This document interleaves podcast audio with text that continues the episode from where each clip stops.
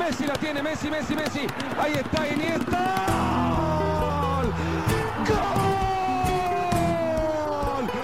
¡Gol! ¡Cerebro! ¡Cerebro! ¡Cerebro Iniesta! Hey Koen, Dag Michael. Eh, ik, ik wil eigenlijk starten in een paar andere competities met Spanjaarden die wel een impact hebben gehad het voorbije weekend. Spanjaarden die uiteraard ook uitgebreider zullen besproken worden in de steen. Goede andere podcast van eh, Friends of Sports. Meer bepaald Los Stadio en, eh, en het onvolprezen eh, Kick and Rush. Maar in Engeland, in het Kick and Rush land, was Kepa Arrizabalaga eh, weer maar eens de grote slemiel, hè, Koen.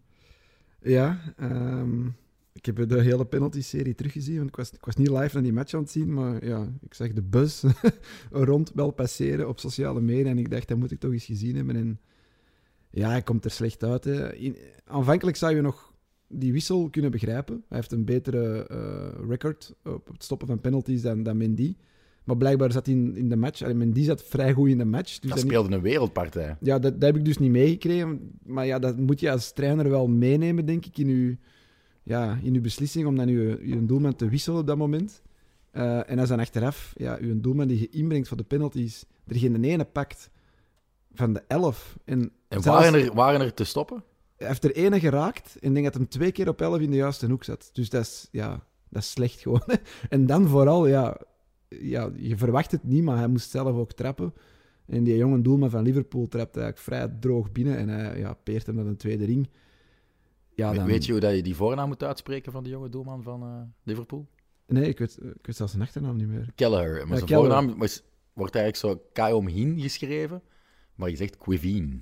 Maar die zijn een Ier of zo. Ja, dat is een jonge Ier. Eh, en blijkbaar zou hij bij Liverpool TV een uitgelaten interview gegeven hebben, waar dat hij nogal eh, veelvuldig het woord fuck gebruikte. En daar heeft Liverpool zich dan officieel voor moeten excuseren, want in het Puriteinse Engeland is dat, eh, is dat not done.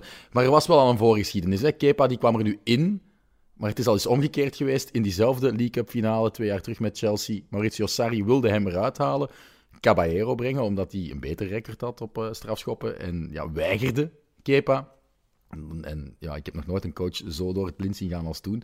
Maurizio Sarri. Ehm, het is ook niet de eerste keer dat het een voormalige nummer 1 van de Spaanse nationale ploeg overkomt. Want wat gebeurde er in de Europa League finale tussen Manchester United en Villarreal? Is dat ook gebeurd? Ja, vooral de misser door de. Ah keeper. ja, ik dacht de wissel. Nee, Nee. nee, ja, de lange reeks. Ja, het was ook, eh, toen hadden er wel al twee gemist, denk ik. Was het ook 10-10? Dat weet Ja, al sinds de keepers moesten Keepers moesten trappen en de Gea En miste. de Gea ja. miste, ja. Ja, en, maar, eh, maar Kepa dan, die heeft de Supercup wel... De penaltyreeks heeft hij er twee gestopt. ja, waaronder de beslissende Villarreal. van... Dat is de reden Albiol. dat ja, Ja, waarschijnlijk. Tuchel ja. nu dacht van, ja, ik kan dat toch, ik ga hem brengen. Maar ik, Blijft bizar. Ik had het ook nog nooit gezien tot Van Galen tegen Ja, met ja, Krul. En, ik weet eh, eigenlijk niet, misschien moeten, moeten onze kijkers, eh, wat zeg ik, onze luisteraars, eh, misschien eens uitzoeken of er voor Van Gaal dergelijke dingen al op het hoogste niveau Iedereen wil een. Van Gaaltje doen, maar uiteindelijk is het alleen goed uitgepakt bij Van Gaal. Ja, dat gebeurt wel vaak bij Louis, King Louis. Eh, in Italië was er eh, een topper tussen Lazio en Napoli. Napoli kwam op voorsprong via Insigne. Dat interesseert ons niet. Het was wel tegen de gang in, eh, van het spel. Maar dan gooide diezelfde Maurizio Sarri, waar ik het net over had, de tiener Fenio in het veld. 34 jaar jong, Pedro Rodriguez Ledesma uit Tenerife. En die was onwaarschijnlijk sterk. Ik deed die match voor Eleven. Ehm, ik dacht echt, die is herboren. Die heeft zijn tweede jeugd gevonden. Eh, die dwong de Napoli-keeper meerdere keren eh, ja, tot een moeilijke redding. En ook altijd met zijn mindere voet, wat ik heel straf vond. vond. En dan, dan ja, de goal zelf, die heb je gezien ondertussen. Hè. De Weergaloos op de slof genomen. Afvallende pakken bal. wel, denk ik. Ja, ziet hem wel laat komen, maar raakt hij wel Ja, ja. zuiver. Zuiverder dan dat ga je die bal op je linkervreef niet leggen. Hè. Dat is ook zo'n gast. Ik, ik, vond, ik snapte niet goed hoe hij met die Barcelona had verlaten. Ik denk, als je die een contract voor het leven had gegeven, had hij gewoon getekend. En Maar er werd wel een beetje op neergekeken. hè. ja, maar Omdat de want- andere spelers in zijn team meer talent hadden, was ja, hij kan lopen. Maar achteraf gezien, die scoorde wel in Champions League finales. Die, scoorde, die heeft volgens mij in elke competitie waarin Ja, Barcelona... Ja, altijd gescoord. In één seizoen. Dat is volgens mij ook Dat de enige record, de enige speler die Ja. dat ooit gedaan heeft. Dus die, die stond er wel altijd. En ik denk dat hij nog perfect had geweest ook. Bijvoorbeeld zelfs in het MSN-tijdperk om die als backup te hebben. Ehm, maar bon, ja, hij, is, hij is vertrokken en hij heeft We zijn dan uiteindelijk van Chelsea naar Roma naar Lazio. Ja, ja. Zo- dus is ook de eerste in carrière. 40 jaar die die gevoelige overstap maakte. En dan van- scoren. hè, En scoren eh, ah, nee, Nee, het was niet tegen Roma, Ja, het, was, het was tegen Napoli. Maar hij scoorde zijn achtste al eh, van de campagne. Dat zijn er drie meer dan vorig jaar bij, bij AS Roma. En er zijn er wel nog wat wedstrijden te gaan. Zou hè, Luis Enrique in een nostalgische bui hem misschien nog durven oproepen? Dat denk ik niet. Dat lijkt me heel Ik zou het hem wel gunnen, want Ik moet zeggen, ik was een heeft een beetje... grote gunfactor, hè, Pedro? Tuurlijk, je, je, je gunt die jongen alles. Ik zeg het, ik vind het jammer dat hij op een gegeven moment eh, zomaar vertrok bij Barcelona, maar ja, dat denk ik nu toch niet. Ik, moest, allee, ik was eerlijk gezegd al bijna een beetje vergeten dat hij nog, dat hij nog profvoetballer was. En hij is dan in de Serie A en scoort nog in grote matchen. Dus Hij is ook geen echt jeugdproduct van Barcelona op zijn zeventiende daar beland. Weet je ook nog wie hij verving op zijn debuut? Niet voor het eerste elftal, maar voor Barça B? goh, wat een moeilijke vraag. Met een link naar onder andere Eupen, zei het zeer kort. Eh, Adriano. die- nee, want Adriano zat ook niet in de jeugd van Barça. Die, die heeft ook nooit bij Barça B gespeeld. Die kwam van Sevilla. Vasquez. Ja, Victor Vasquez eh, verving hij. Op zijn eh, profdebuut was dat voor, eh, voor Pedro begin jaren 2000. Ehm, de match lijkt dan gedaan. 1-1 tussen Lazio en Napoli. Dat was ook het minste wat Lazio verdiende. Ehm, maar dat was buiten Fabian Ruiz gerekend. Die legt aan van aan de halve maan in de 94e minuut. eh, Streelt de bal echt ja, zwanger van effect. Eh, prachtige goal. En dan toch een Betico die aan het feest was dit weekend. Want hij komt van eh, Betis. Er wordt nu wel gefluisterd dat hij heel graag zou terugkeren naar Spanje. En niet naar een van de Sevillaanse clubs, maar naar Real Madrid. Dan denk ik wel, als hij dat wil, als hij dat ook kan, misschien is er Dani Ceballos bellen. Of dat dat een goed idee is. Of Mhm. schat je Fabian Ruiz wel nog hoger in? Goh, ik moet zeggen dat ik eh, niet heel veel naar de Serie A kijk. Maar hij is wel international ook. Hè? Ja, ja, ik heb, ja, ik heb hem We herinneren ook nog zijn geweldige invalbeurt tegen Duitsland, hè, die afstraffing. Hij geeft een 6-0. hat aan assist. Ja, ja. Eh, het is, het is eh, een apart profiel, een goede voetballer. De linkspoot ook. soort box-to-box.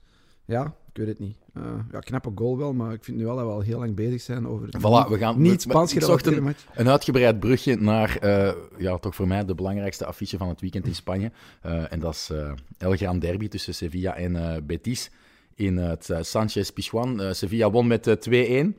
Ik ga hier even een hot take de lucht in gooien, Koen. Maar eigenlijk heb ik geen recht van spreken, want ik ben nog nooit op Anfield geweest. Ben jij er al eens gepasseerd? Nee. Maar volgens mij is de clubhymne van Sevilla iets dat meer emoties opwekt, meer kiekenvlees opwekt dan You'll Never Walk Alone. Zou dat kunnen? Mm, Of is dat ja, compleet van de stadion gerukt? dat Capella zingt, maar natuurlijk op Liverpool zijn het volgens mij nog meer mensen en zal het wellicht nog luider zijn. Eh, Maar dat zingen ze ook tegenwoordig overal, dus ik ben dat nummer ook gewoon kotsmuug. ja, dat, dat is een beetje het, eh, het probleem van Liverpool, dat hun, hun lied gepikt is door Jan en Alleman, terwijl dat van Sevilla, dat is echt een clublied met ja, tekst die Het is ook nog niet zo oud, hè, dat clublied bestaat eh, van hè? 2005. En ook, dat, dat is gebaseerd, dat ritme is gewoon gebaseerd op het klappen eh, van de fans in de tribune in een bepaald ja, patroon. En ja, als je dat ook zag in de 88e minuut, toen het nog eh, eh, 2-0 stond, hè, dat de goal van Canales moest nog vallen, dan namen ze dat opnieuw over a cappella, hè, heel dat stadion. Hè. Dat Dus was ik vond dat wel, ik vond dat wel geweldig. wel, ehm, ja, bleef maar babbelen en dan op een gegeven moment zweeg je toch. En dan dacht ik, oef. Ja, dat ik lied heb was twee al keer, ik ja, heb twee keer ge, Je eh, het met gezegd, maar het, het lied was al ik weet niet hoe lang bezig. En ik dacht, gaat hij nu blijven, die opstelling eh, af, afratelen? Of, eh, gaat Ja, oké, ook ja, ik moet wel even de, de wedstrijd kaderen. Maar dan dacht ik, ja, nu is het echt al goed vertrokken. Ik ga gewoon eens 20 seconden zwijgen. En in de moeilijk, match, in de moeilijk, hè, voor 88e match, ja, dat is moeilijk voor mij. Maar in de 88e minuut, in de match zelf, heb ik langer gezwegen. Dus, maar wel in de hoop van, nu mag er niks gebeuren, nu mag er niks gebeuren, want ja, anders verknalt je het. Hè. Ehm, maar goed, ehm, Sevilla was gewoon zeer sterk, eh, was ook zeer hongerig. Eh, ik had eigenlijk wel meer verwacht van Betis in deze derby. Zeker als je kijkt naar die van een maand geleden in de Copa del Rey, waar Betis eigenlijk echt wel vrij gemakkelijk wist te winnen van Sevilla. Zeker ook als je gewoon de, de record van, van Betis bekijkt in 2022. eh, Ik denk niet voor niks dat... eh, ja, in Spanje werd gezegd dat Betis een van de best voetballende, misschien wel de best voetballende ploeg eh, ja, in Spanje was in 2022. Een paar keer, vier keer gescoord. Onder andere tegen Sociedad, die derby gewonnen tegen Sevilla. eh, met anderhalf been in de finale van de, van de Copa del Rey. Maar dan nu ook tegen eigenlijk een, een volgens mij te pakken Sevilla, want ze misten toch wel wat... eh, Ja, Koundé was er niet bij sleutelspelers, ook Campos. Zelfs Fernando- moest Carlos kon maar 45 minuten spelen. Fernando moest centraal achteraan Ja. depaneren. En in de tweede helft stond Goudelje daar ook nog eens naast. Ook juist, ja. En, en Jesus Navas stond voor het eerst sinds oktober Mhm. of zoiets aan de aftrap. Dus het was wel, denk ik, het moment om, om iets te gaan winnen en ze te pakken. En dat ze dan zo worden weggeblazen in de eerste helft. Ik denk dat, ik denk dat niet veel waarnemers of volgers van het Spaans voetbal dat hadden verwacht. nee, dus dat was wel... ja, Eenrichtingsverkeer, hè? ja, die eerste klas daarnet, eerste 11 minuten, 92% balbezit, Ja, ja. 91% Na balbezit. 10 minuten 90% En er waren al twee penaltygevallen geweest, al een schot dat was afgeblokt, een schot dat was, was eh, gestopt. Dus, We hebben het hier vaak over, over Lopetegui gehad als de bangerike, als een beetje de Ja. angsthaas. Maar nu ja, hij heeft ervoor gezorgd dat hij als ja, hongerige hyena's aan die wedstrijd starten. Hè. Rakitic die leek terug 18 jaar. Ja, maar hij heeft blijkbaar achteraf eh, gezegd op de persconferentie dat, eh, dat hij vreesde dat ze het geen hele match zouden volhouden. Dus dat ze wel met een bonus al minuut 60 moesten geraken. Eh, dus het was wel het plan om echt alles te geven, liefst voor te staan en dan het Ook proberen uit te door dat publiek, hè. Ja, dat zei hij ook nog. Dat, ja, als je een keer is geen druk gaat zetten in een match, in deze match doe je dat wel. Of als je een keer een spurt dat je denkt, laat de bal even gaan, in deze match gaat Ja, iedereen plooit zich dubbel, iedereen, eh, Iedereen plooit zich dubbel. vecht ja. tegen de verzuring. ehm, maar omwille van de tactiek die ze hebben gespeeld, en ik zei het daarnet al, you never walk alone, ik had ook wel een beetje de indruk in die eerste helft dat ik naar Liverpool aan het kijken was, en niet naar, eh niet naar Qua intensiteit Ja. bedoel je. Ja, ja. En hoog druk zetten, vastpinnen. Ehm en Eziri, en een paar eh, snedige, scherpe tackles als spits gedaan. Ja, je bent eigenlijk als spits altijd de eerste verdediger. En, en ik vond die wel zeer hard werken. Maar wie stak er dan echt bovenuit? En dat had ik ook op voorhand niet kunnen voorspellen. Dat was Tecatito. Hè? Ja, dat was voor mij ook wel een, eh, een openbaring. Ik had u nu wel al een paar keer zien spelen, maar ehm, ja, nu, nu stak hij er echt bovenuit. Dat was Technisch straf. 45 minuten lang. En ook bij momenten in de tweede helft, ja, gewoon de beste speler op het veld. Wat hij doet bij die 1-0, of eh, bij de penaltyfase die Mhm. naar de 1-0 leidt, ja, dat is wel de grote brug. Dat balken over Bartra in de rug, dat, dat is technisch gezien echt Ja, het perfect was over Victor. Ruiz. eh, Oh, Victor ja, Ruiz, sorry. Bartra verknalt het dan in dat duel. Ja, ja. En dan Bravo verknalt Die het nog verknalt meer. het helemaal. Ehm, maar nee, die was inderdaad eh, vrij indrukwekkend. Dat is een maar je zegt wel, hè? ja, die intensiteit en die druk, dat was, dat was indrukwekkend. Maar het had dan ook wel een rode kaart kunnen opleveren voor Acuna in de eerste helft. Wat we hadden gezegd nog vooraf, Mhm. wat Betis had gedaan in de heenmatch. Ja, te gretig, te gretig willen zijn, te, te hyped.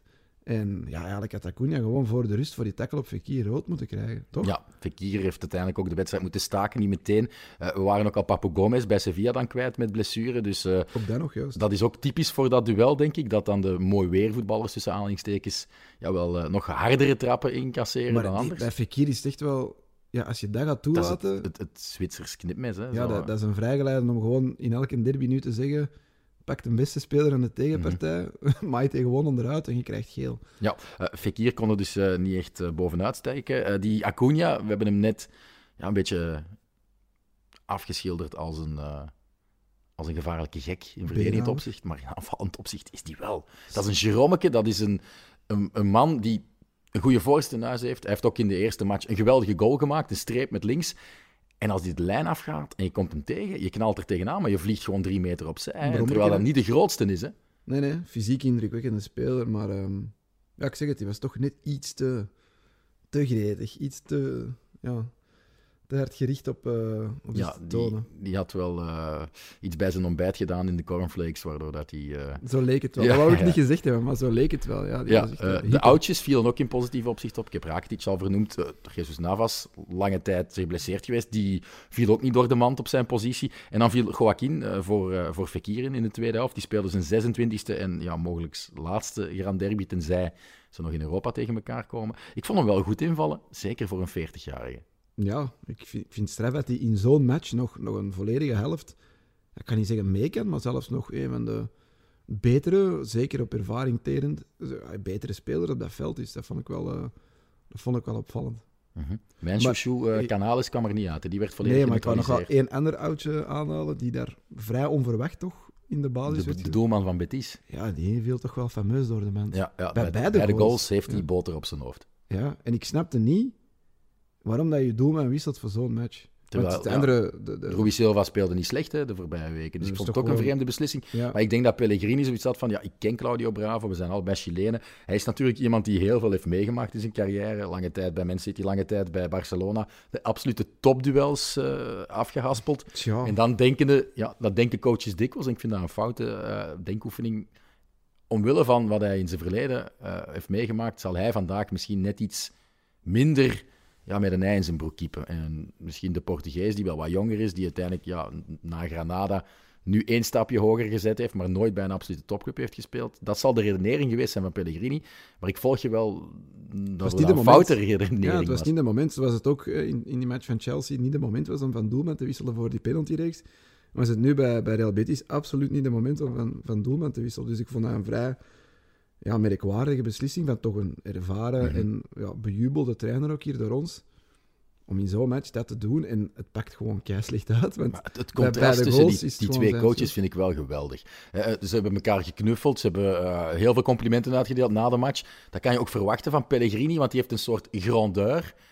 Die, die blijft ook constant rustig. Er zijn akkefietjes tot en met geweest in de eerste 20, 25 minuten. Lopetegui die heeft ja, 4, 95 minuten heel een tijd die zijn technische zone verlaten. Is aan het roepen, is aan het schreeuwen, is richtlijnen aan het geven Ja, op de momenten dat het spel stil ligt. ah, de match uitgelaten. Ja, ja, en, en Pellegrini die staat er gewoon bij en die kijkt er. Misschien net te weinig betrokkenheid lijkt het eh, soms wel, maar het is wel een goede trainer. Ehm, ik vond het wel ook eh, zeer leuk dat de twaalfde man zich deze keer wel gedroeg. Hè, dat er geen projectielen gegooid werd. Ik heb ook geen verhalen gehoord van supporters die eh, met elkaar gevochten hebben of zo. Ze zaten daar wel mooi afgescheiden van elkaar. Maar we hebben ook beelden gezien dat ze toch ook tussen elkaar kunnen zitten in zeggen, een Sevilla. kind, een, een jong, een jong kind hè, dat met een B-t-shirt tussen de Sevilla-fans zit, dat is toch straf dat dat in zo'n beladen derby... Ik, ik zou het in de Antwerpen-Beerschot niet... Dat, dat kan niet, hè? Nee, daar gooien ze vuurpijlen in elkaars vak. Ja. Dus, eh, Nee, maar ja, oké, je zou nog kunnen zeggen, naar een kind toe doe je niks, maar dat dat kan, dat dat kind ook zoiets heeft. Ik kan hier met een B-t-shirt in het vak van Sevilla zitten en naar de derby kijken en niemand gaat mij iets doen. Ik vind dat, ik vind dat mooi dat dat nog kan. Ja, dat is ja, echte, echte juiste voetbalcultuur. hè. Ehm, ik heb ook wel wat, misschien te hard op diezelfde nagel geklopt online, door te zeggen dat er iets te weinig aandacht is voor dit. Oh, nee, viel wel, viel wel mee. Nee, maar heb ik gelijk, want uiteindelijk in België, geen kat ligt daarvan wakker. En dat is wel een beetje jammer, want het zijn wel twee traditieclubs die al jaren op het hoogste niveau in Spanje meedoen. Sevilla doet ook al jaren mee in Europa. Eh, en het brengt altijd wel iets. Hè. Je kan op voorhand zeggen, dit wordt wel een leuke of een interessante of een wedstrijd die eh, iets gaat opleveren. Een, ik zal niet altijd zeggen dat het voetbal mooi is. Soms is het meer vechten dan voetbal, maar het is altijd wel een kijkstuk. Ja, maar ik, ik, ik snapte jouw woede, maar je hebt het misschien inderdaad te veel willen benadrukken. Maar langs de andere kant, het blijft... En nu, nu geeft hij een vertekend beeld, want ze stonden 2 en 3. Het blijft wel maar Sevilla en maar Real Betis. Dat is niet ja, van dezelfde grootorde als ik zeg maar iets, de Manchester Derby of Nee, oké, maar we moeten het niet gaan vergelijken met vroeger Lira Lierse. eh, ik bedoel, dat kan je toch niet vergelijken met elkaar. Bedoel je? Lira tegen Lierse SK, mochten die ooit tegen elkaar hebben gespeeld eh, in de beker of zo? Want die Nee, tuurlijk nooit... niet, tuurlijk niet. Dit is toch nog een grootorde van... Maar ja, Tuurlijk, tuurlijk, maar...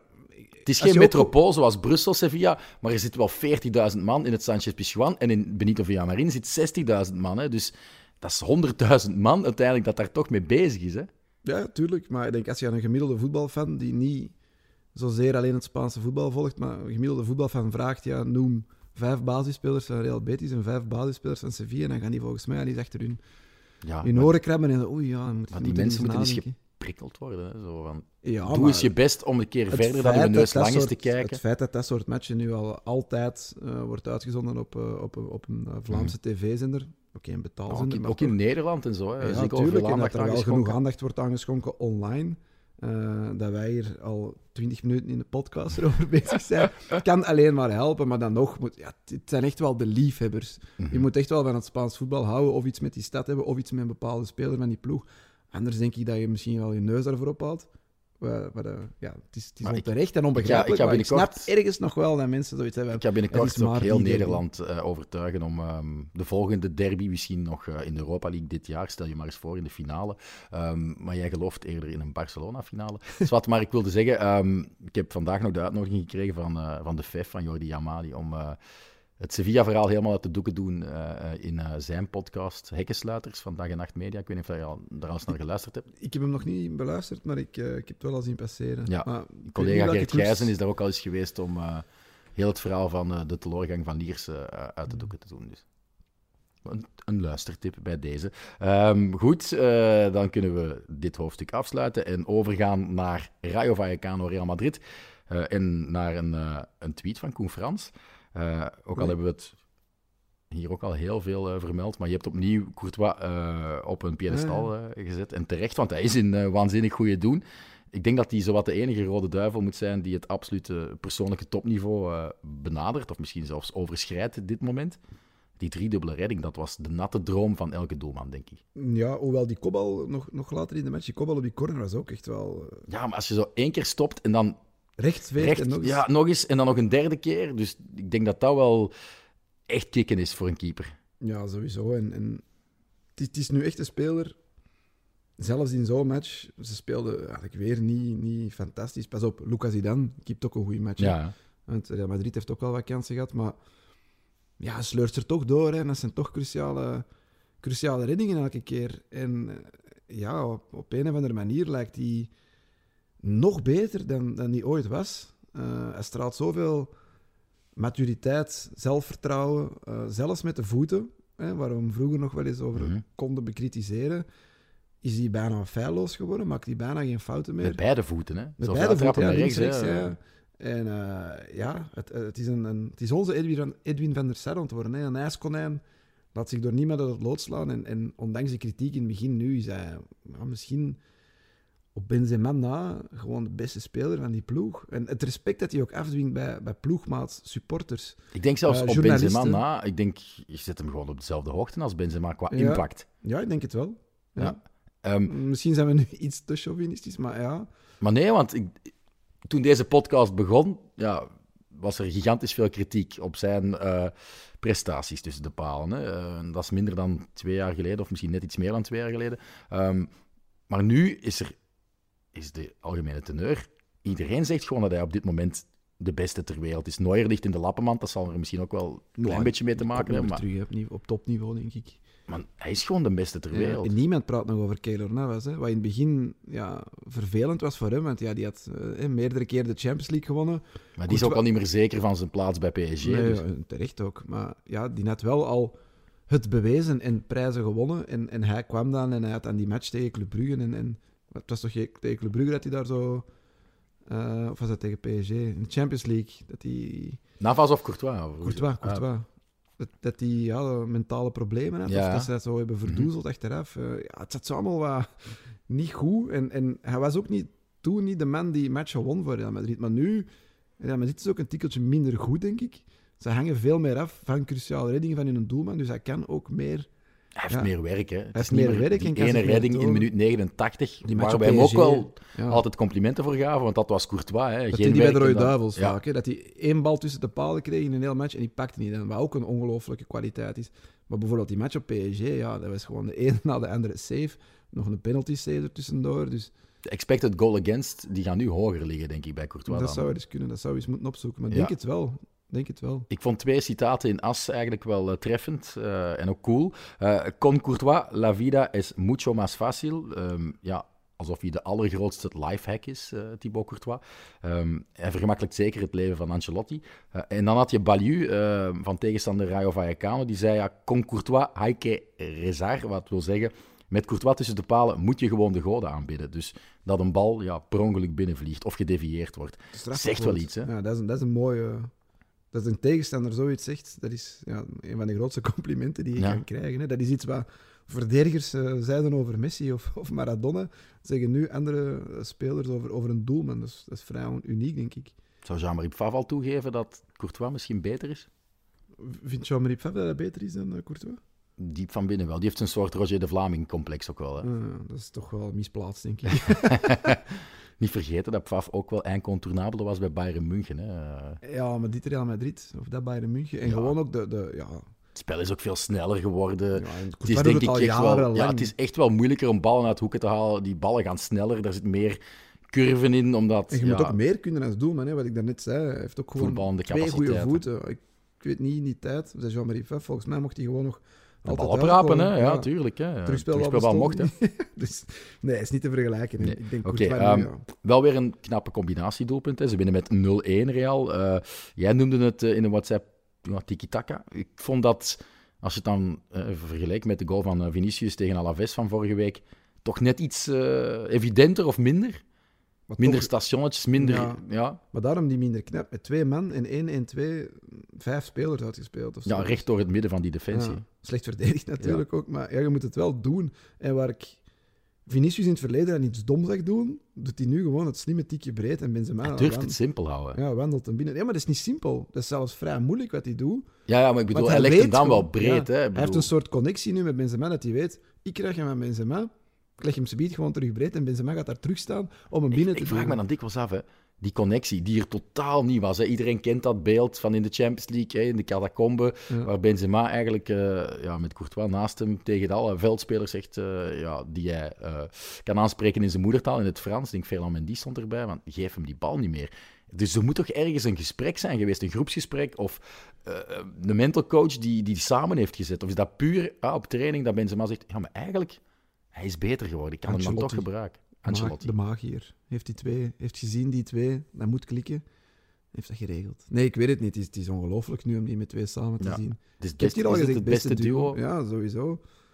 Het is echt... eh, nu ook. Ze speelden eigenlijk alle twee geen grootse match, maar één moment waarin ze met twee combineren. En ja, ik zeg het, heel die verdediging aan Gort gespeeld. En, en Dat was tegen Alaves eigenlijk ook, hè, want Real eh, had het moeilijk tegen die dubbele gordel. En, en Vinicius speelde zeker niet zijn beste match. Benzema idem dito, maar ze staan alle twee op dat scorebord. En nu ja, is het wel maar één goal, maar zijn ze alle twee weer betrokken bij dat doelpunt. Ehm, wie ook scoorde, maar het doelpunt werd terecht afgekeurd eh, wegens buitenspel, had ook nog afgekeurd kunnen worden. Die fout Hens. Zijn. Casemiro. Ik, we gaan hier een groot eh, hoofdstuk aansnijden, denk ik. Want het is toch de Houdini-act der Houdini-acts. eh, nooit rechtstreeks rood gekregen in zijn carrière. Dat had hier tegen Rayo Vallecano eigenlijk wel weer gekund. Ja, en Real Madrid dit seizoen enige ploeg die nog geen rode kaart heeft gekregen in La Liga. Ja, ik zag dat je dat had gestuurd, maar dan dacht ik... Ik heb het nu nog niet opgezocht, maar ik denk ook wel dat Real Madrid ehm, het team is dat minste penalties heeft gekregen. Van alle teams in, in Dat La kan, Liga. dat kan. Dus dan ja, kan je wel ze, zeggen... ze worden voorgetrokken, maar langs de andere kant, dat zou je dan ook moeten zien in penalties. Ja, ze staan aan de leiding in de fair play. eh, dus ze hebben, er heeft één ploeg minder gele kaart. Ik denk zoals je dat, maar die hebben dan meer rode kaarten. Dus waar, ja, Real Madrid staat eerst. Maar Casemiro alleen al uit dit seizoen drie rode kaarten moeten krijgen. Het is Ja. ongelooflijk. Het is ongelooflijk. Het blijft toch gewoon echt gek dat... Ja, hij kan geweldig voetballen. Hè. We kunnen hem niet een beenhouwer noemen. Hè. Maar Nee. Als hij echt slecht gezind is, dan zal het raak zijn. En dan is het Maar- vies, gevaarlijk, gewelddadig. Maar op heel zijn carrière twee keer uitgesloten. En alle twee, ja, twee keer geel. Ja, ik, ik weet zelfs niet of het echt vilijn of slecht gezind is. Ik denk dat het soms ook gewoon pure... Ja, Dat is niet onbeholpen bij hem. Dat is, Ja, ik vond deze wel. Deze vond ik onbeholpen. Die tegen Cadiz thuis, dat vond ik echt gewoon smerig. dat is gortig. Dat was ja, dat was gortig. gortig. Ja. En die tegen Valencia was eigenlijk ook eerder in de categorie gortig. En op Messi in het verleden, dat was meestal ook gortig. Maar deze vond ik eigenlijk knullig. En dat is er zo een, ja, je gaat voor die bal, maar je doet je voet over de bal en dan voet vooruit, los op de enkel van een tegenstander. Ja, sorry. Als dat geen rood is, dan weet ik niet meer waarvoor je rood moet trekken. Dus, en hij komt ermee weg. En Ancelotti had het ook door, hè, want hij wisselt hem direct. Mhm. Dus die schelen en hij haalt hem eraf. Ja, dan, dan weet je, we zijn hier ontsnapt. Want eigenlijk hadden we met die moeten staan. Ja. Hij heeft dan wel Hazard niet gebracht, Ancelotti. Nee. Zevende keer dat Eden eh, 90 minuten op de bank blijft zitten dit seizoen. Hoezee. Eh, nummer 7 is eh, niet aan zijn beste seizoen bezig. Over naar eh, ja, eh, jouw lievelingsgedeelte van de podcast, Koen. Eh, FC Barcelona Athletic Club eh, 4-0. Barça kent echt wel de perfecte week. Eerst een bolwassing geven aan Napoli in het Diego Maradona Stadion. En dan revanche pakken tegen Athletic Club voor de bekeruitschakeling. Een eh, 4-0 zege voor Barça met een uitmuntende P3, dat mogen we denk ik wel zeggen. Hoeveel zakdoeken had je nodig om het kwijl van je mond te vegen? Je vergeet trouwens nog de match op Valencia. Ook vier doelpunten gemaakt. Dus in één week tijd 12 goals. En dan begin deze maand ook nog 4-2 tegen Atletico. Dus die zegt wel... eh, ja, ik moet soms knijpen. ik kan het bijna niet vatten hoe goed ze aan het spelen zijn. Op die, die ene match op Het Espanyol. is een maar- verschrikkelijke ommekeer ook wel. Hè? De ontwikkeling die ze hebben doorgemaakt op anderhalve maand tijd Ja, is niet normaal. ik wil superveel credit geven aan Xavi en denken dat het allemaal terug is. Maar je moet ook niet vergeten, hij speelt nu met de voorlijn Adama Traoré, Aubameyang, Ferran Torres. Terwijl dat hij onlang, allee, bij zijn, in het begin, de match dat ik ben gaan zien bijvoorbeeld, in Camp Nou tegen Benfica, was het Yusuf Demir. Mhm. Eh, ik denk Depay en Luc de Jong, als ik me niet vergis. Dus je moet wel zien wat er gebeurd is in tussentijd ook op de Hij heeft betere wapens. Hij heeft meer en betere wapens. Als je dan ziet wat ze inbrengen, Depay, eh Ousmane Dembélé en eh, Luc de Jong. Eh, ja, scoren, scoren alle drie.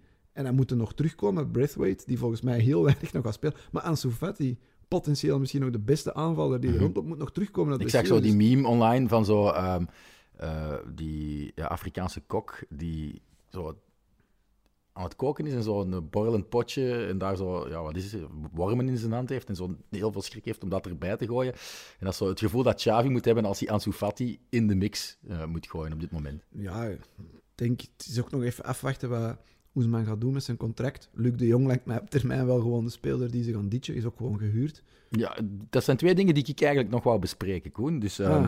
eh, Ousmane Dembélé hè, hij mag dan zijn wedstrijdshirt hebben vergeten in de Napels-kleedkamer. Eh, maar boy, die was wel goed. Hè? Zijn goal is heel Dembélé, vind ik. Ben ik nu links- of rechtsvoetig? Misschien wel linksvoetig. Vlam, hè, korte hoek, onhoudbaar.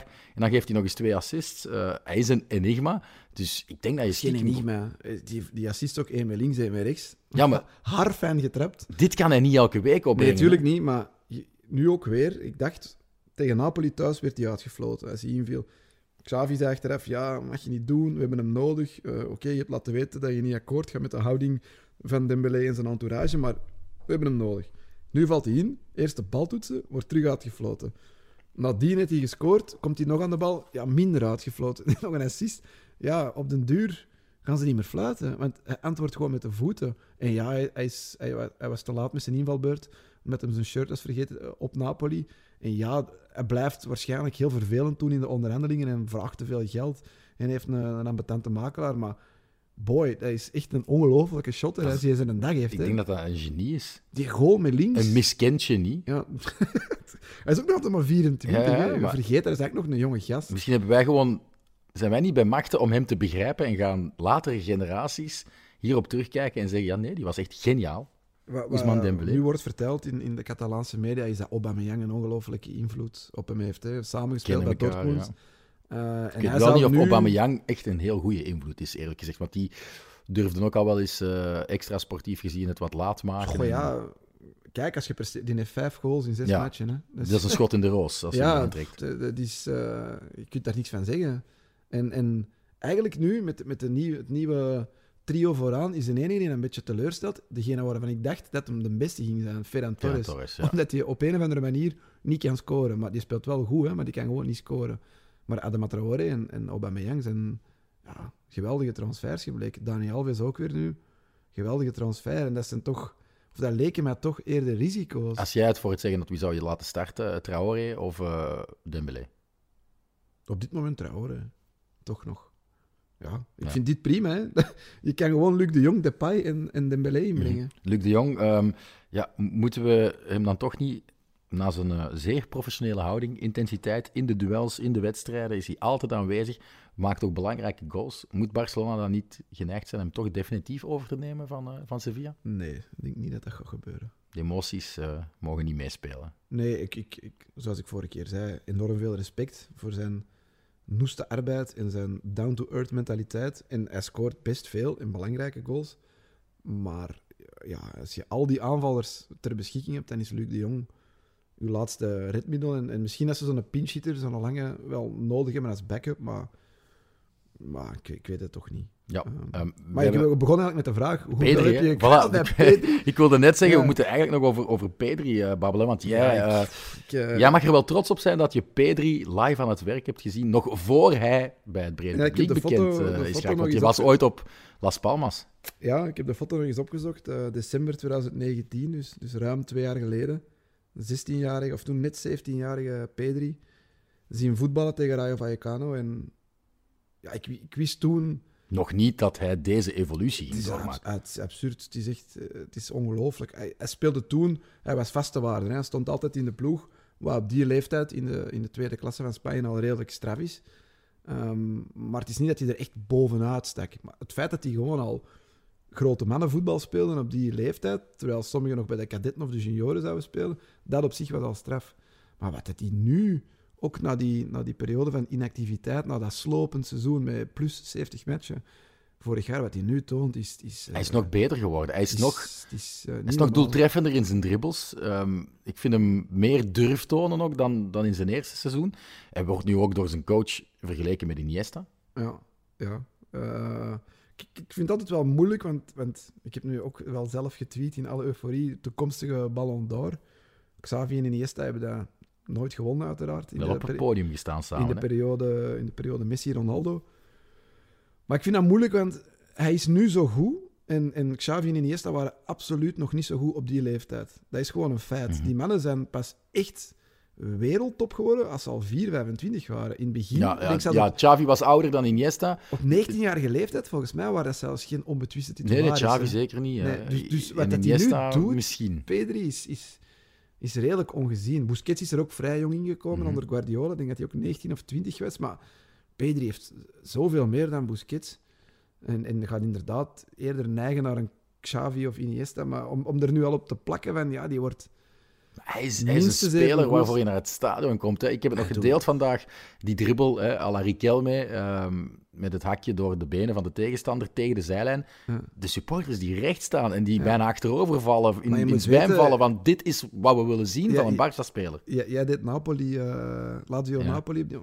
Je moet weten, dat was niet eens zijn beste actie. Ik denk dat hij zelfs vier of vijf acties had gedaan die beter waren dan dat moment. Mhm. Dat moment springt er bovenuit, omdat het ja, zo, zo ja, lijkt op Riquelme, is. En, en, en ja, op die plek, die panna, op die manier. Maar de, de, de, de opbouw naar de 3-0 bijvoorbeeld ook. Ja, hij heeft ook een geweldige crosspas gegeven. Hè. De lange ballen Ja. van, van Pedri. Ineens kan je ook de ballen van 40 meter op de stropdas leggen. Ongelooflijk. Maar nogmaals, ik moet mezelf heel hard inhouden. En, en ik denk echt dat dat een absolute wereldtopper wordt. En eigenlijk al is, maar... Misschien, misschien is zijn groeicurve ook anders dan, dan bij die mannen dat ik daarnet zei. Misschien zit hij nu al Aan zijn top. al zijn top en en gaat, gaat ja, hij niet veel meer dalen. beter worden. Natuurlijk Ja. door, door ervaring, maturiteit, veel topmatchen op hoog niveau te spelen, finales, et cetera. Gaat hij nog beter worden?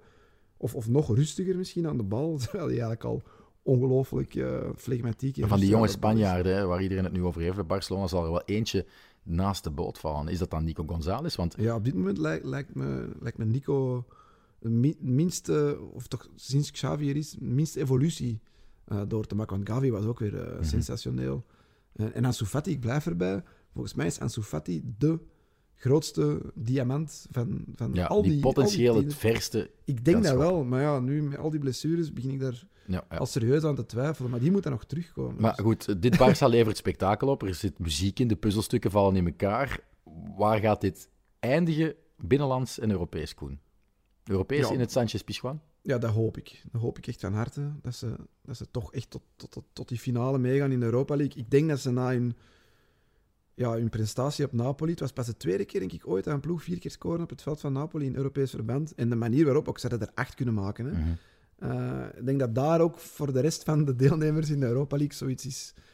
Beginnen Oh, dagen shit. van, oh Ja, shit, ja, ja. die doen mee en die zijn echt wel aan het komen. Dus ik denk dat ze daar... Die zich- gooien er niet met hun klak naar. ze gaan zich daar niet meer kunnen verstoppen. Nee, daar gaan nee. ze de topfavoriet zijn. In de competitie, Nu- moeten we eerlijk zijn, is de tweede plaats. Dat zou al vrij sterk hoogst zijn. Ik denk het wel. Ja, ja. Je kan niet nu nog dromen van de titel. Nee, Real gaat geen gigantische terugval ik kennen. denk het niet. Wetende ook dat Real wellicht binnenkort alleen maar de competitie nog We, we heeft. hebben, we hebben ze nu weer eh, omhoog gestoken, Barcelona, maar ik wil toch een soort van ehm, ja, kritische noot.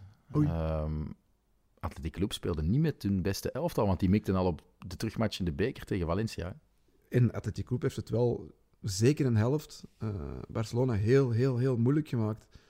Eigenlijk best wel weinig uitgespeelde kansen. Ik denk één voor Gavi en dan de, de goal van Aubameyang op een rebound op een stilstaande fase. Boer van het biertje. Ehm, maar ja, dat is, dat is een ploeg die zelfs niet met zijn beste elf moet spelen om alles gewoon goed dicht te houden. Dat is een ploeg die gewoon ook heel zelden veel tegengoals Mhm. krijgt. Ik heb dat nu eens gecheckt. Ja, ze waren de derde beste defensie ook. Hè, Ja, het dat is de tweede keer in vijf jaar dat ze vier goals in een competitiematch slikken. Dus dat zegt ook iets. Oké, ze speelden niet op volle kracht, maar ze speelden er wel mee een zeer gedisciplineerde dubbele Mhm. muur. eh, waar echt heel moeilijk eh, gaatjes in te vinden waren. En op het moment dat ze de 2-0, 3-0 en 4-0 maken, zijn wel bijna alle, alle toppers wel nog ingevallen. Want ze Mhm. hebben nog wel.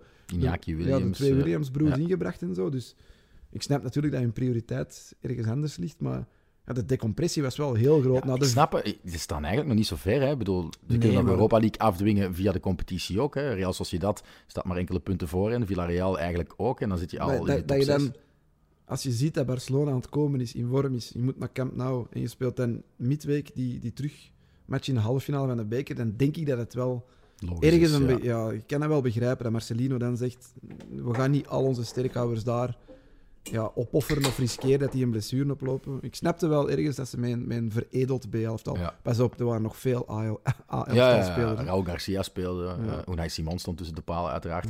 Maar goed, Barça won, nestelt zich samen met Atletico in de top 4. Atletico ging winnen in het Balaidos eh, tegen Celta, 0-2, dankzij twee doelpunten van Lodi. Die wat hoger mag spelen, heb ik de indruk nu, door de komst van eh, Reinildo. En het feit dat Carrasco ja, nog niet zijn allerbeste niveau heeft teruggevonden aan eh, een coronabesmetting. Ehm 9 op 9 voor Atletico, zowaar. Na zegens tegen Getafe, Osasuna en dus dit Celta. Het is de eerste keer dit seizoen dat de regerende landskampioen drie duels op rij wint. Eh, Het was en- wel een thuismatch, hè. Je zei Balaidos, maar het was, het was in de Ah, was het in... eh, ah, ik Ja, dat... thuismatch. sorry, ja, ja, mijn excuses. Ik maar goed, de gekeken. 9 op 9 blijft wel. En wat daar opvallend aan is, is dat ehm, ja, Oblak twee keer de nul heeft gehouden op de jongste drie wedstrijden. Ja, Dus, klopt. Eh, zou hem dat een boost geven? Is dat just what the doctor ordered? Ik denk het wel. En die, die 1-1 tegen Man United, daar, daartussenin, is ook eigenlijk niet... Hij geeft een vertekend beeld, want daar hadden ze ook eigenlijk perfect de nul kunnen houden. Daar spelen ze ook defensief best een goede Mhm. match. Defensief en offensief. Dus eh, ik heb het gevoel dat Atletico ook een, een beetje aan het komen is. En, eh daarmee In het Frans zeggen ze, ils ont franchi un cap. Dus ja, dat past eigenlijk wel bij wat Atletico nu heeft gedaan. Ze hebben toch die stap kunnen zetten, het slechte in het verleden achter zich gelaten. En nu kunnen ze verder werken naar ja, herstellen. Hè? Want ze moeten echt wel de fouten die ze hebben gemaakt herstellen. En wie weet is er dan wel nog een mooi Europees ja, ik avontuur denk een cruciale match nu is, is komend weekend. Ja, op Betis. Ja, en Betis is... allee, ik wil het niet zeggen, want jij bent een grote fan, maar die zijn een beetje... Dat niet, een, niet à la, à la Vallecano, het is minder dramatisch, maar er is een terugval. Er is een terugval bij Betis. En ik denk vooral ook dat dat wel een mentaal een opdoffer is, omdat je die derby verliest. ja, maar er waren ook al tekenen daarvoor. Ik vond bijvoorbeeld die terugmatch tegen Zenit, vond ik ook al Ja, maar een teken aan de wand. Sevilla speelde een even slechte terugmatch tegen eh, Dynamo Zagreb. Hè. Die verloren zelfs. Hè. Ja, oké. Oké, Betis verloor niet door een of andere beslissing van de scheidsrechter, Ja, waar niemand echt iets... dat het even goed anders kunnen lopen en het was met de Russische ploeg was, Ja, dat voilà. niemand echt iets kon schelen. Maar, Maar je hebt gelijk dat die tegen Zenit inderdaad heel mak voor de dag kwamen. Ehm, maar om nu te zeggen dat het verval zo groot zal zijn als Real Sociedad, die helemaal zijn weggezakt, nu ook nee, weer... nee, nee, nee. Dit- maar het is wel wat ik een beetje zag aankomen. Als er een ploeg uit die top 4 ging vallen, dan waren zij het wel. Ja. En ik zie het nog altijd wel Logisch gebeuren. redeneren is dat ook wel de juiste conclusie dat je op voorhand trekt. Maar, Ja, ik maar hoop jij bleef erbij. Ja, hè. Barcelona gaat eruit vallen en Betis ik, blijf nog altijd bij, ik blijf nog altijd bij mijn... eh, ik kan er moeilijk aanpassen. Hè. Barça wordt vijfde. En Betis blijft in de top 4. Maar ik denk dat, dat Ja, maar dat heb ik niet gezegd. Hè. Ik heb gezegd Villarreal gaat eh, Ja, worden. die zijn ook aan Maar ik heb ook gezegd dat. Atletico kampioen ging worden. In mijn Ja, dat gaat niet voorspelling. meer gebeuren. nee, maar ik denk, ik denk gewoon aan het einde van de rit, als de logica gerespecteerd wordt, dan, dan gaan Barça en Atletico misschien zelfs nog Sevilla bijbenen. Want Ja, je nou, voelt aan die alles... drie topteams. eh, Ik denk het wel. Die zijn aan het groeien. En, en Sevilla, die winnen nu wel de derby, maar daarvoor hadden ze denk ik maar één van hun laatste vijf competitiematchen gewonnen. En je zegt dan ook inderdaad die terugmatch in Europa League, waar ze ook echt slecht tegen Zagreb. Dus die zijn, die zijn aan het slabakken ook wel. En het is ergens ook wel gewoon logisch dat... Ja, slabakken, maar die eerste 45 minuten in een derby, Koen. Ja, ja. Als ze dat in andere wedstrijden kunnen opbrengen, dan... nee, maar dat eh, kunnen ze niet. Dat, ga je zien, dat gaat niet gebeuren, denk Nee. ik. En die gaan ook op twee gedachten gaan hinken. En... Ah, wel, dat is ook de reden dat ik blijf geloven dat Barcelona vijfde wordt. Omdat zij ook verder en verder Maar ze gaan hebben een bredere kern dan, dan, dan Sevilla. Als je ziet wat Sevilla allemaal nu... Het, uh... Allee, die moeten dan met een middenvelder centraal achteraan gaan Over spelen. brede kernen gesproken. En je hebt er net al gezegd van ja, we kunnen eh Ousmane Dembélé inbrengen. eh, met Ba- Barcelona en ook eh, Memphis en eh, Luc de Jong. Kijk eens wie dat Atletico in die wedstrijd heeft ingebracht. Ja. Suarez, Griezmann en Carrasco. Ja, klopt. Dus ja, Ja. wie heeft dan de meest Barça heeft, ook nog, heeft ook nog Frenkie ingebracht. Die zat ook op de bank. Ja, Dus- die zat ook op de bank inderdaad. Ja. Ah, wel, maar dat, dat- dat- ja.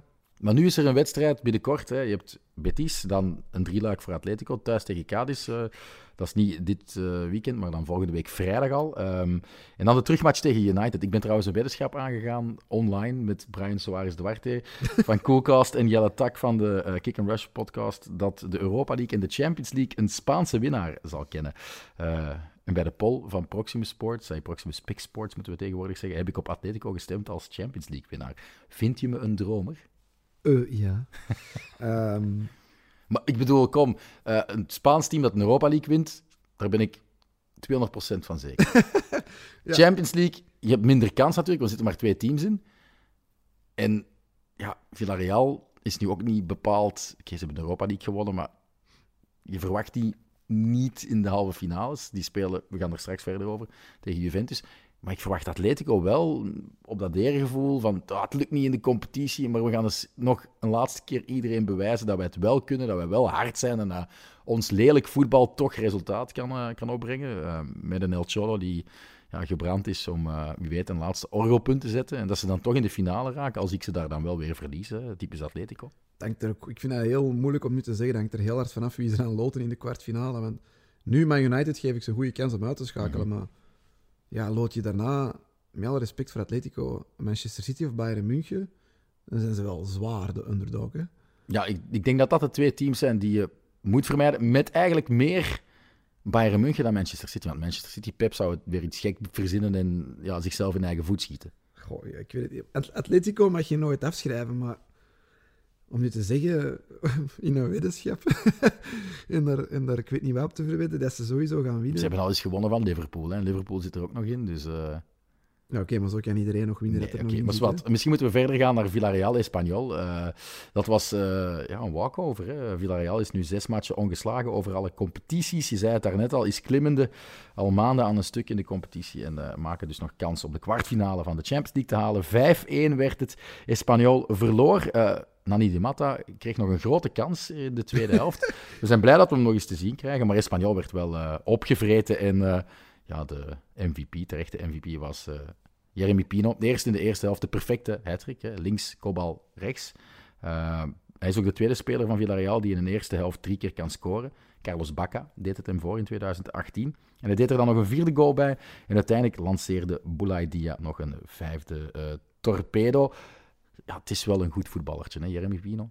Ja, die, die, die, die Spaanse tieners die, uh, die vallen wel op de laatste weken in Spanje. Hij is ook al international, hè, dus het is ja, ook ja. geen...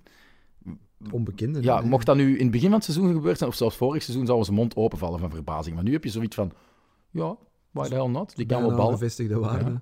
Ja, ja nee, nee, effectief. Um, en vooral die kobbel, ik, dat die links en rechts, dat gewoon technisch een goede speler is, dat wisten we al. Maar die kobbel vond ik heel straf. Want die springt daar tegen een grote verdediger en die torent daar echt een kop bovenuit. Ik vond dat heel... heel eh, Doe me denken aan Januzaj, die tegen Atletico ook... eh, ik moet hem toch Ik vermelden. ja, ik wou nog zeggen over Villarreal. Pakken 26 op 33. Mhm. Sinds begin december. Volgens mij staan die aan de leiding. Als je de klassement Ja, zou beginnen tellen vanaf begin december. En Al die gelijke spelen van in het begin van het seizoen. Hè. Het, en ze doen het zonder Gerard Moreno. die geblesseerd nooit had gedacht dat ze... Zonder als hij erbij was, heeft hij wel veel gescoord. Ja, ja, die korte periode dat hij terug was, heeft Ja. hij, is hij belangrijk geweest. Maar nu is hij alweer een tijd oud en ze blijven gewoon echt, gewoon echt heel goed Ja, spelen. dankzij de meest geslaagde transfer toch ook wel Arnoud Danjuma. Van alle zomertransfers. Ehm, die was er dan in de vorige match al in geslaagd een hat te scoren. Nu Jeremy Pino dus een poker. Ehm, vier keer gescoord, dat is ook een hat Dus ik vind het al straf. Twee op één volgende En hat poker? Ja, een poker, dat wordt gezegd in Spanje. Hè? Eh, als je vier keer eh, gescoord, Ah, een poker. dacht twee hitricks op rij. Nee, nee. Ah. Daar zal misschien een benaming voor bestaan. Maar ik wou eigenlijk weten, gebeurt dat veel? Dat hetzelfde team twee competitiematchen na elkaar een speler heeft die een hat maakt. Dat gaat toch in En dan de- nog een verschillende speler. Ja, dat gaat in die grote vijf competities toch niet al te veel zijn voorgekomen. Misschien in het MSN-tijdperk, de ene week Suarez, de andere week Messi. Sowieso dat er iemand nu luistert en ja, ofwel dat al weet, Ja. parate kennis, ofwel eh, nu al aan het googlen is en zegt, ja, kom, we gaan dat eens opzoeken voor de mannen. Laat het zeker eh, weten. Eh, een ex-Villarreal-speler, want we hebben nog wat sprokkels, want we zijn alweer 50 minuten bezig, eh, maakte de goal van het weekend. Een goal die je nooit tot zijn arsenaal had gerekend. Ja, ex-Arsenal natuurlijk. Hij was oud sinds oktober, Gabriel Paulista, en komt dan zo terug. Ehm, het volstond voor de 0-1 zegen op Mallorca. Zwaar gevleid. Ja, maar wel, wel een waanzinnig mooi Ja, ja. Misschien zelfs goal van het jaar. Van die afstand, Declan binnen. Altijd chique. En voor, ja, je verwacht het niet van zo'n Nee. speler. Het is echt, sorry, is een houten Moest nu klaas. Tony houten Kroos dat doen of zo? Of, of, of iemand met een goede afstandsschot. Maar Gabriel, nee, dat, dat zou Hij is wel. De voorbije jaren sterkhouder geworden bij, bij Ja, Oké, Valencia. achterin. In defensief Ja, ja, uiteraard. Maar dat vind ik al straf, want ik, vond, ik was blij dat hij weg was bij Arsenal. Ja. Die kon er niet op vertrouwen. Die was traag, die was er niet, ook niet geen wendbaar. wereldverdediger van maken, hè, maar ja, nee. Ja, maar bij de goed. supporters van Valencia is hij dus wel die wereld. In hun, in hun eh, perceptie is hij een wereldverdediger. Eh, ja, je gevleid zei je. eh, ik vond ehm, op basis van de samenvatting Kubo toch weer een goede wedstrijd spelen voor, voor Ik Mallorca. denk dat de expected goals, volgens mij was dat 2,8 tegen 0,3 of zo. Mhm. Het was 0-1. Ja. Met dan een schot. Bordalas efficiëntie. expected goals 0,02 Ja, goal probability gebruiken ze in La Liga. Ja, hè. dat Eh, bedoelde ik, ja. Ehm, goed, Eh, Levante is eh, springlevend. We zijn er wel blij om, want ik heb, ik heb daar eigenlijk wel altijd sympathie voor, voor de Valenciaanse kikkers.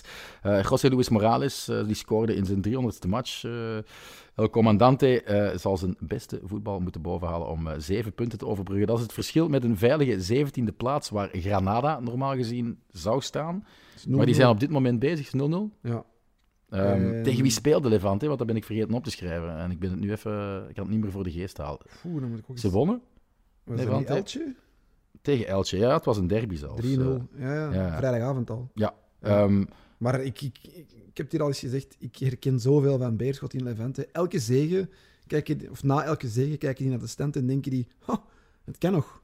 En dan ga je weer een periode in dat je heel weinig punten pakt en de rest meer punten pakt. En dan wordt die kloof weer groter. En maar een paar maanden daarvoor vergeleken we Beerschot niet met Levante, maar met Getafe. En die zijn wel uit die hakkelijke situatie geklauterd. ja, die hebben een, een gestoorde thuisreputatie opgebouwd. Van de laatste acht thuismatchen, zes gewonnen, twee gelijk. En die staan echt vrij safe nu. Terwijl ik inderdaad begin november altijd zou Getafe 100% zeker Nee. dat die zakken. Dus het ze kan hebben wel de juiste keuze gemaakt om Kike Sanchez Flores aan te stellen, andere coach. En ze mogen ook wel eh ja, Enes Unal een serieuze opwaardering van zijn contract geven. Hè. 13 goals in zijn laatste 15 matchen. Speler die hier bij Genk ja, Ja. niet Ja, echt potten heeft Werd gebroken. geleend van Twente, denk ik. Ja. Heeft hij veel gescoord in, Nee, in nee, België? nee, Nee. heeft niet al te veel. Hij heeft toch geen eh, indruk nagelaten zoals eh, een, een Rusland Malinovski of zo. Ja. Is ook nog altijd maar 24. En, en nu weer ja, twee belangrijke goals in een rechtstreeks duel tegen een concurrent. Ehm, ja, het is, het is, eh, als ze erin blijven, welke kans ik nu weer vrij groot Mhm. echt, dan zal het toch in grote mate eh, met dank aan NSU Ja, en niet aan Sandro Ramirez. Nee, die, is Die nog altijd niet weet hoe hij nee, goals moet nee. maken. Heeft nu ook een heel lelijk baardje. Lijkt zo'n beetje op Roberto Carlos. Ik denk ook dat ik dat zeg, dat hij wat is bijgekomen. Dat het wel opvalt. Of dat is voor het verbergen van die dubbele kin misschien. Ja, voilà. Ja. eh, goed. Ehm, vooruitblikken nog misschien Copa del Rey eh, deze week. Eh, woensdag en donderdag is er bekervoetbal in Spanje. Valencia speelt thuis tegen eh Athletic Club. Dat hebben we al kort aangeraakt. Hè. Het is de ex-coach van Valencia, Marcelino, die graag ehm, ja, Valencia wil uitschakelen. De eerste ontmoeting was 1-1. En een dagje later speelt Betis tegen Rayo in het Benito Villamarin. Het won de heenmatch in het Vallecas met 1-2. Ik vermoed dat je verwacht dat Betis in de finale staat.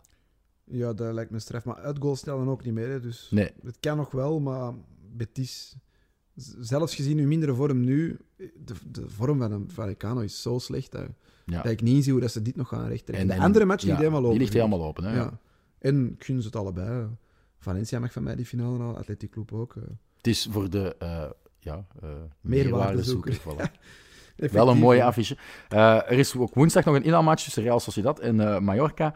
Uh, Real Madrid bekend datzelfde Real Sociedad dan in het weekend. En dat is denk ik toch met Betis Atletico de affiche van speeldag 27. Zeker weten. Oké. Okay. Ga je daar naar kijken dan? Ik ga naar Betis Atletico kijken. Ik moet de kalender er eens bij nemen. Wie wanneer speelt. Denk zaterdag Real Madrid. En Betis Atletico is zondag, dacht ik. Wacht, want ik moet... Oh, kwart na vier is Barça op zondag. Dat wordt al lastig met de Antwerpse derby voor mijn werk. Maar Betis Atletico, dat lukt zondagavond. Real Madrid zaterdagavond tegen Sociedad, dat gaat lukken. Okay. Alaves Sevilla vrijdagavond, waarom niet? Oké, okay. en dan... Uh, Ook nog meepikken. Welke match doe je voor uh, 11? Ik doe geen Spaanse match uh, Oei, dit weekend. weer al een Italiaanse? Weer al een Italiaanse. Oké, okay, ik ga niet klagen. Uh, Heb je gepest of zo? Ja, Juri de Vuist, die geeft mij dat dan. Napoli-Milan, wie wil dat nu doen? Dat gaat alleen maar over de titel. Napoli-Milan? dat is wel een mooie match. dat is een mooie match, ja.